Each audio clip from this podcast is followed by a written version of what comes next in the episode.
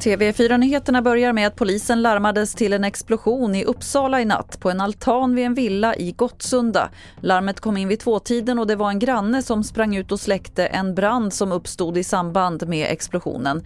Ingen var hemma i villan. Polisen utreder det som allmänfarlig ödeläggelse men har inte gripit någon. I Vänersborg fick två poliser föras till sjukhus efter en olycka i natt. De ska ha varit på utryckning och olyckan ska ha hänt vid en rondell.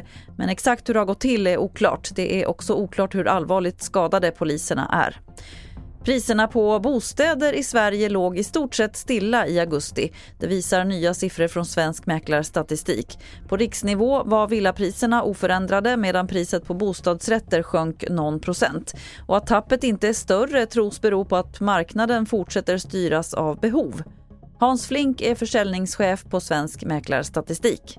I Sverige så har vi en behovsdriven bostadsmarknad. Det vill säga man köper och säljer för att man har ett riktigt reellt behov. Och med tanke på antalen sålda bostäder som vi har haft nu ett antal månader i sträck så betyder det att det finns ett stort uppdämt flyttbehov. För att folk vill flytta eller måste flytta, de byter arbetsplats och så vidare, skiljer sig, gifter sig. Det behovet finns alltid i grunden. Fler nyheter finns på tv4.se. Jag heter Lotta Wall.